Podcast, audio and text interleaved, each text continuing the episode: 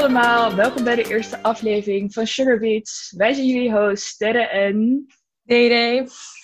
In het dagelijks leven studeren we aan de Universiteit van Amsterdam. Daar doen we Future Planet Studies. Wat het is, het is eigenlijk een soort van moderne klimaatstudies. We maken niet alleen deze podcast, maar in ons uh, Sugar Beats team zitten ook Joyce en Elsa. Hallo. Hoi. Voor het vak Politieke Economie van Transnationale Voedselketens doen wij onderzoek naar het handelssysteem van de suikerbiet. Onze conclusie wouden wij graag met de meer mensen delen dan alleen onze docent.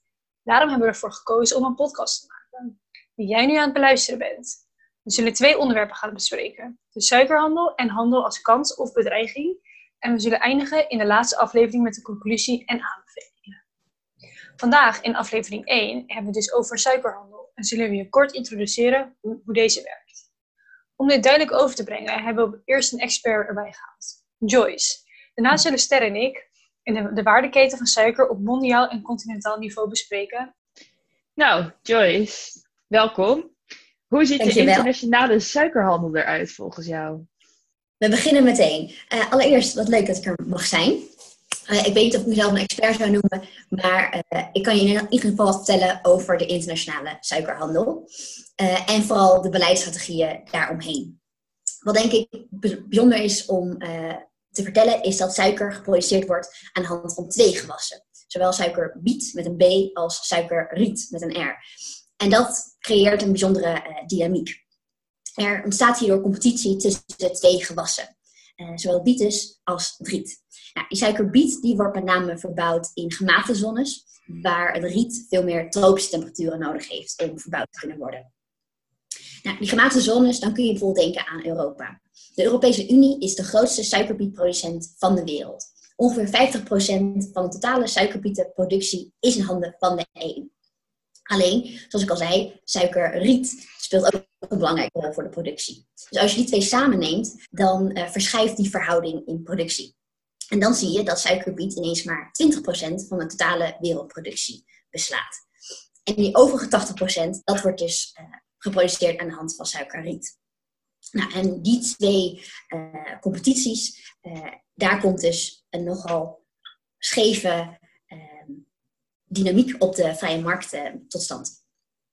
Maar wat zijn dan de achterliggende beweegredenen van het huidige suikerregime?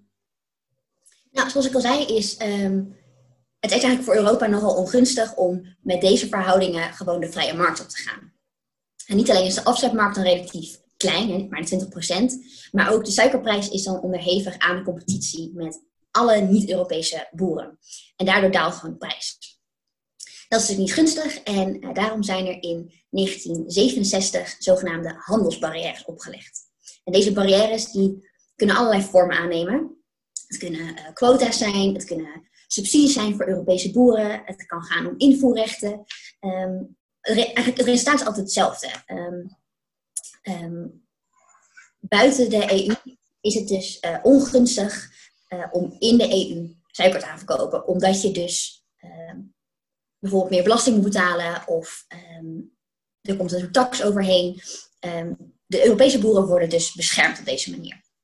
En dit soort marktmaatregelen worden trouwens gefinancierd via het Europese Landbouwgarantiefonds.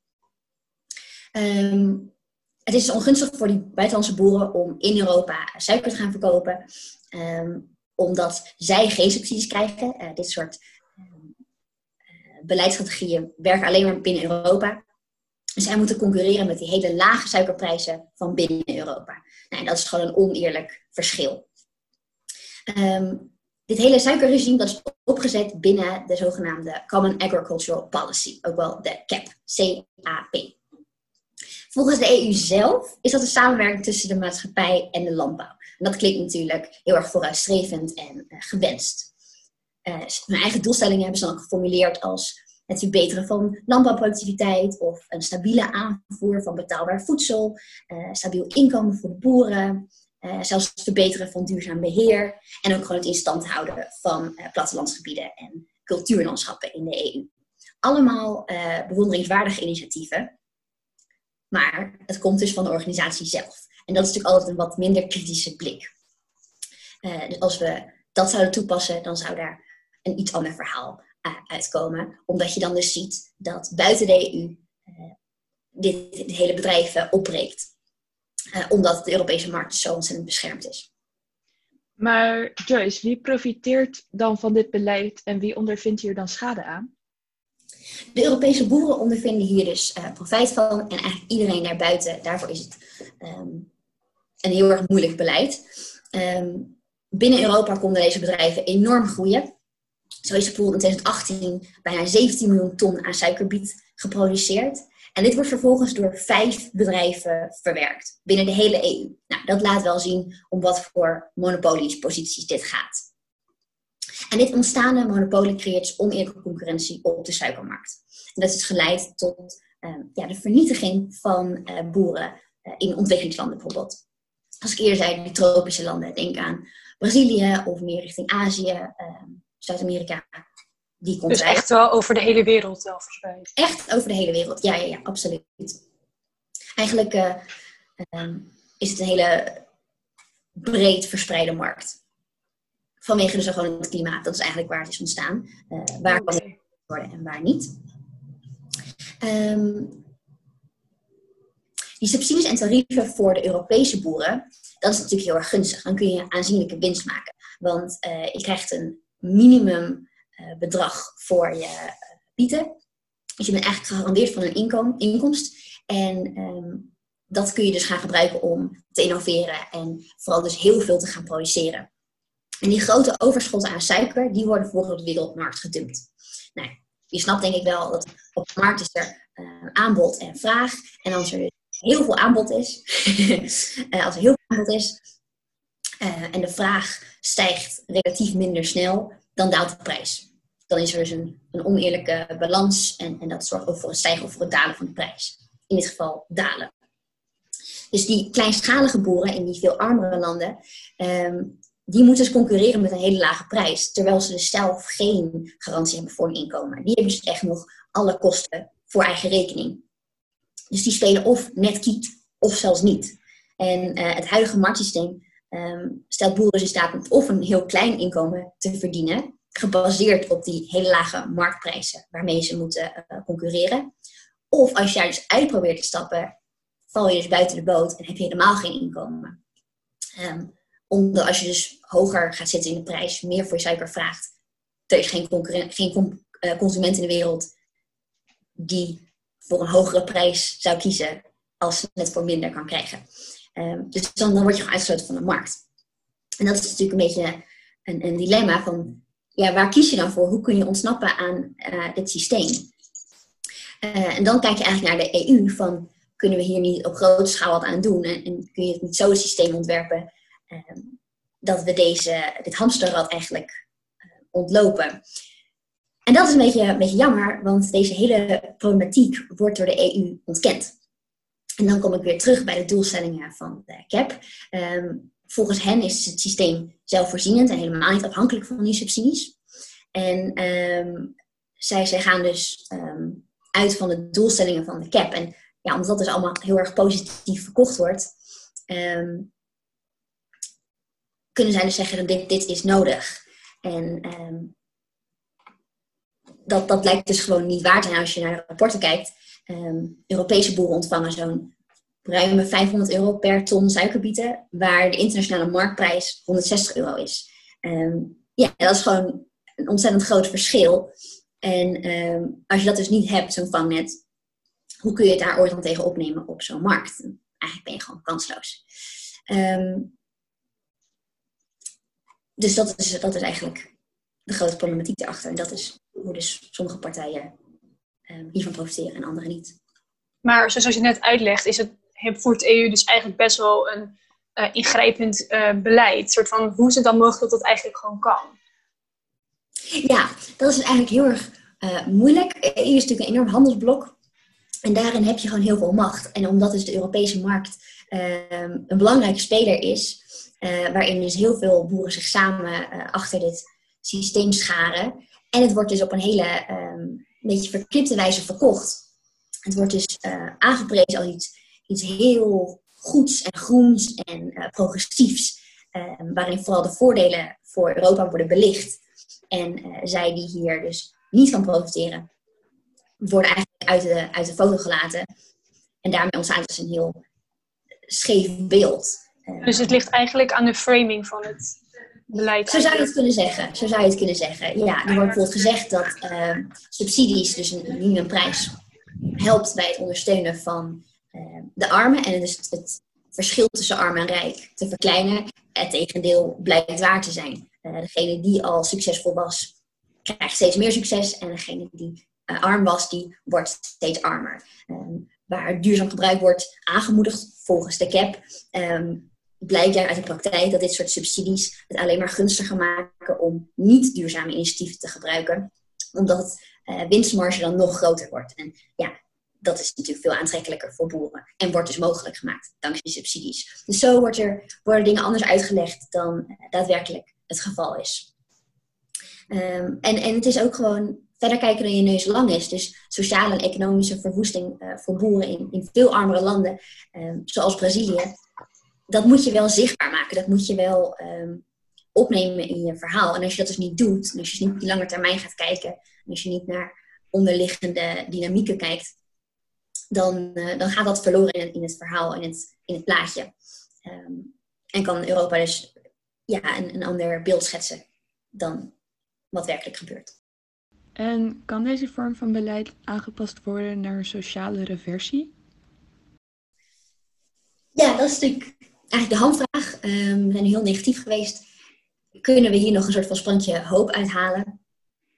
Ik denk dat het eigenlijk dan neerkomt op um, wat zijn onze doelen? En dat is weer afhankelijk van in welk uh, politiek spectrum ga je zitten. Waar, waar ligt de focus? Ben je meer links, midden of rechts georiënteerd? En, en wat betekent dat vervolgens? En krijg je daarin mensen mee? Het is natuurlijk een, enorme onderneming om zoiets als een wereldmarkt aan te pakken. Um, en dan de vraag, um, ligt winst altijd, is dat altijd je nummer één prioriteit? Of moeten we ook andere factoren meenemen in dit soort overwegingen?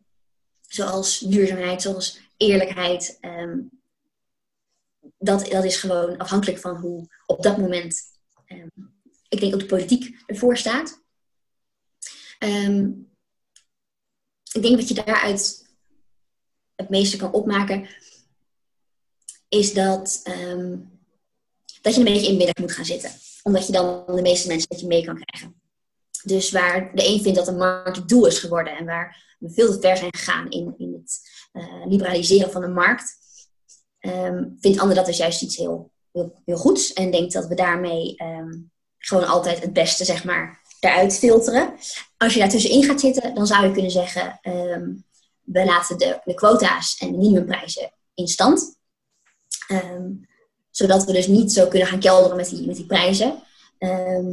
Maar we zeggen dus niet meer een enorme tax op, um, op de, de, Europese import van suiker. Waardoor dus al iedereen dan een minimumprijs hanteert, dan zou je dus met competitie nog wel een beetje kunnen schommelen. Maar uiteindelijk zou het dan uh, veel eerlijker kunnen zijn. En dan zouden Europese boeren ook niet langer zo'n enorm vangnet onder zich hebben. Of je moet zeggen, we gebruiken een deel van dat vangnet om dat ook elders uh, mogelijk te kunnen maken. Maar ja, dan heb je weer te maken met andere, uh, iets wat fragielere economieën. Brazilië, daar is sociale zekerheid gewoon um, moeilijk om te implementeren. Daar heeft het land op dit moment gewoon geen geld voor. Um, dus dat zou je dan mondiaal moeten afspreken. Maar ja, daar moet dan wel iedereen bereid voor zijn. En, en dat is denk ik waar het nu van afhangt.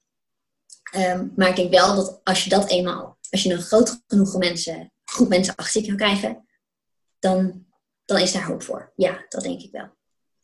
Ik denk dat we dat moeten geloven, want waar ben je zonder hoop? Ja, zeker. Nou, Joyce, echt heel erg bedankt voor je input en je expertise. Dankjewel, dankjewel. Lekker dat ik er mocht zijn. Ja, natuurlijk. En dan is het nu tijd, voordat we doorgaan naar deel 2 van deze aflevering, voor de, een kort intermezzo uh, fun fact.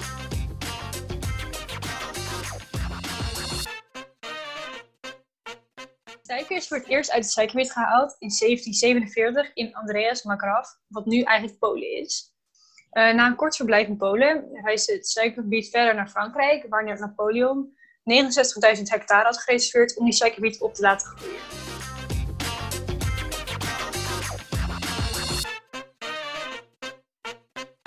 Nu zullen we het gaan hebben over de waardeketen van suiker. Maar om te beginnen, Sterren, wat is een waardeketen eigenlijk?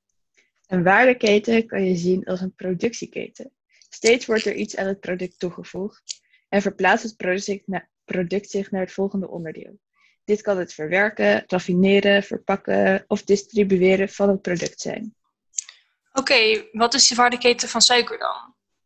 De waardeketen van suiker bevat alle achtereenvolgende activiteiten die samen de hele waardeketen van productie tot consumptie opmaken. Iedere activiteit die wordt gepasseerd voegt waarde toe aan het product, in ons geval bietsuiker. In het algemeen bestaat de waardeketen van suiker uit het gewas verbouwen, oogsten, transport van de suikerbiet, verwerking, transport van de suiker en opslag. Vervolgens komt het eindproduct, suiker, terecht in de verzend-verkoopsector, waar het doorgaans als massaproduct wordt verkocht en uiteindelijk bij de consument terechtkomt. Oké, duidelijk. Maar waarom is het interessant om de waardeketen van suiker te onderzoeken? Nou, de waardeketen van suiker kan geanalyseerd worden om inzicht te krijgen in de institutionele context van machtsverhoudingen waarin de suikerhandel is ingebed. En welke actoren hierin een belangrijke rol spelen. Waar klassieke economie doorgaans alleen kijkt naar transacties, dus een ruil tussen partijen, kijkt een waardeketenanalyse naar alle activiteiten in de gehele keten, inclusief de connecties die de activiteiten verbinden. Met waardeketenonderzoek kijkt men dus als het ware vanuit een ander perspectief naar de gehele keten van activiteiten, waardoor nieuwe, zeer waardevolle inzichten kunnen worden vergaard. En die inzichten kunnen bijvoorbeeld betrekking hebben op het verhogen van de efficiëntie, of juist duurzaamheid en sociale gerechtigheid. Het is gewoon net waar je naar op zoek bent. Met waardeketenonderzoek kan je dus voor beide transacties kijken, naar de context waarin de gehele keten zich bevindt. En op die manier vergaarde kennis inzetten om de waardeketen van suiker te sturen in de juiste richting. Oké, hebben waardeketens dan ook te maken met governance of bestuur? Ja, absoluut. Het correct beheren en sturen van waardeketens, wat je in het Engels zo mooi value chain governance noemt, kan ontzettend nuttig zijn in het ontwerpen van beleid voor industriële upgrading, economische groei, het verminderen van armoede en het verduurzamen van de suikerindustrie. En deze aspecten zijn natuurlijk erg interessant wanneer een land haar concurrentievermogen op de internationale markt wil vergroten. Je hebt namelijk ook het begrip Global Value Chain, oftewel wereldwijde waardeketen. En die is gericht op productie voor globale markten. Het interessante hieraan is dat uit onderzoek van Gereffi is gebleken dat de reden waarom en hoe landen vooruitgaan in de wereldeconomie, of juist achterblijven, te maken heeft met de mate van industriële organisatie op globale schaal. En dit is waar waardeketens weer terugkomen. Want onderzoek daarnaar, en ook zeker voor agrarisch product zoals suiker, kan helpen om de efficiëntie te verhogen en daarmee het concurrentievermogen op internationale markten te vergroten. Dus ja, waardeketenonderzoek heeft zeker te maken met governance, zelfs op globale schaal. Maar wordt er dan ook onderzoek gedaan naar de hele keten of richt het meeste onderzoek zich op één specifiek deel van de keten? Wat betreft de waardeketen van suiker wordt het meeste onderzoek gedaan naar de activiteiten die plaatsvinden voor verwerking. Dit komt doordat de oogst- en transportsector meer logistieke kansen bieden dan de sectoren na verwerking en dus de meeste winst kunnen opleveren. Zo heeft waardeketenonderzoek in suiker geleid tot de ontwikkeling van wiskunde of simulatiemodellen om de logistiek van oogsten naar transport te verbeteren en daarmee de efficiëntie te verhogen. Het is overigens wel interessant om te vermelden dat er langzamerhand meer waardeketenonderzoek wordt gedaan naar de activiteiten die plaatsvinden na suikerbietenverwerking. Deze recente veranderingen laten zien dat er tegenwoordig ook wordt gekeken naar niet-logistieke kansen, zoals prijsintegratie en transparantie over informatie, om de waardeketen van suiker te verbeteren vanuit een breder perspectief dan voorheen. En hoe zit het dan met implementatie of de opname van de inzichten uit de waardeketenonderzoek voor suiker? Er wordt al twee decennia lang onderzoek gedaan naar de waardeketen van suiker. Implementatie van de vergaarde inzichten blijkt echter nog vrij lastig. Dit komt doordat er in de agrarische ketens rekening gehouden moet worden met sociale, biofysische en klimatologische factoren. Dit brengt extra complexiteit met zich mee in de agrarische ketens, zoals suiker, ten opzichte van de fabricageketens, waar die factoren minder van belang zijn. Complexiteit die ervoor zorgt dat de implementatie van incrementalistische aard is en dus eerder als evolutionair dan revolutionair gezien moet worden. Bedankt Sterre voor deze uitleg. Dan zijn we aan het einde gekomen van deze aflevering. Heel erg bedankt voor het luisteren naar onze podcast, als je hopelijk nog niet te slaap bent gevallen. Als je de kat op de achtergrond hebt gehoord, stuur ons dan op Instagram DM met de tijd en wie weet kan je iets leuks winnen. Dit is het voor nu, maar luister zeker naar de volgende aflevering om erachter te komen wie Jennifer is en wat de Nederlandse suikerbiet de boer van Jennifer vindt.